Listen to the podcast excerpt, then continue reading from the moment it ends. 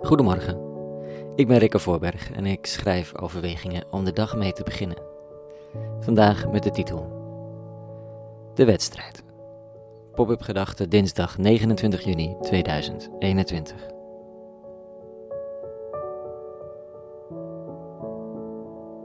De ene keer is jezelf het bed uitsleuren eenvoudiger dan de andere keer.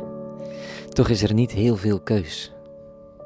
De dag is begonnen en zo geldt het ook voor jou en mij. Beginnen. Heel soms heb je het geluk van een vakantie, een vrije ochtend, een studentenleven. Oh, wacht, dat is ook niet meer wat het is geweest. Volgens een van de schrijvers die ik vanochtend lees, is zijn leven een wedstrijd. Of beter gezegd, een wedloop en een strijd. Goeie timing wel om midden in een Europees, Europees kampioenschap dan te gaan praten over het leven als wedstrijd. In dit geval is het leven van Oranje voor dit jaar in elk geval voorbij. Blijkbaar kun je een wedstrijd ook verliezen en dan lig je eruit. Ook geen onbekend gevoel voor velen, hè? dat je het spel van het leven verloren hebt. En dan lig je eruit. En dan is jezelf het bed uitslepen op de vroege ochtend nog een heel stuk ingewikkelder. Want waarom zou je? De wedstrijd is al verloren. Dit schrijft Paulus vanochtend. Dierbaren, wat mij betreft, mijn bloed wordt weldra geplenkt. Het uur van mijn heengaan is nabij.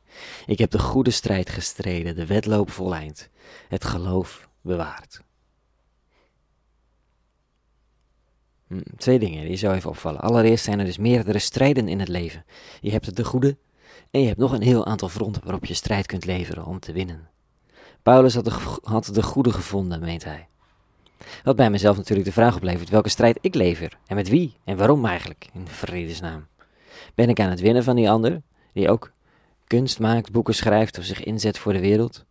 zou een absurde strijd zijn, want dat is eigenlijk een teamgenoot.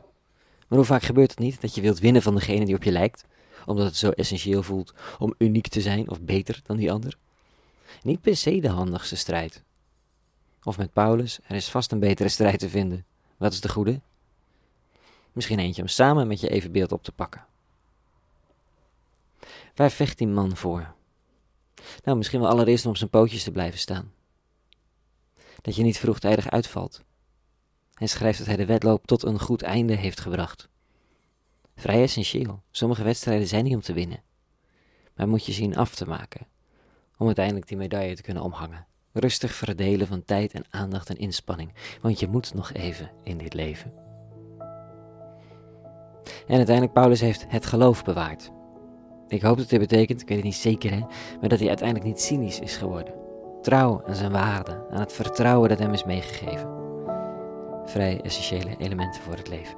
Of misschien het vertrouwen dat hij heeft ontdekt. Nou ja, ik hoop in elk geval dat het uur van het heengaan van de meeste van ons nog lang niet komt.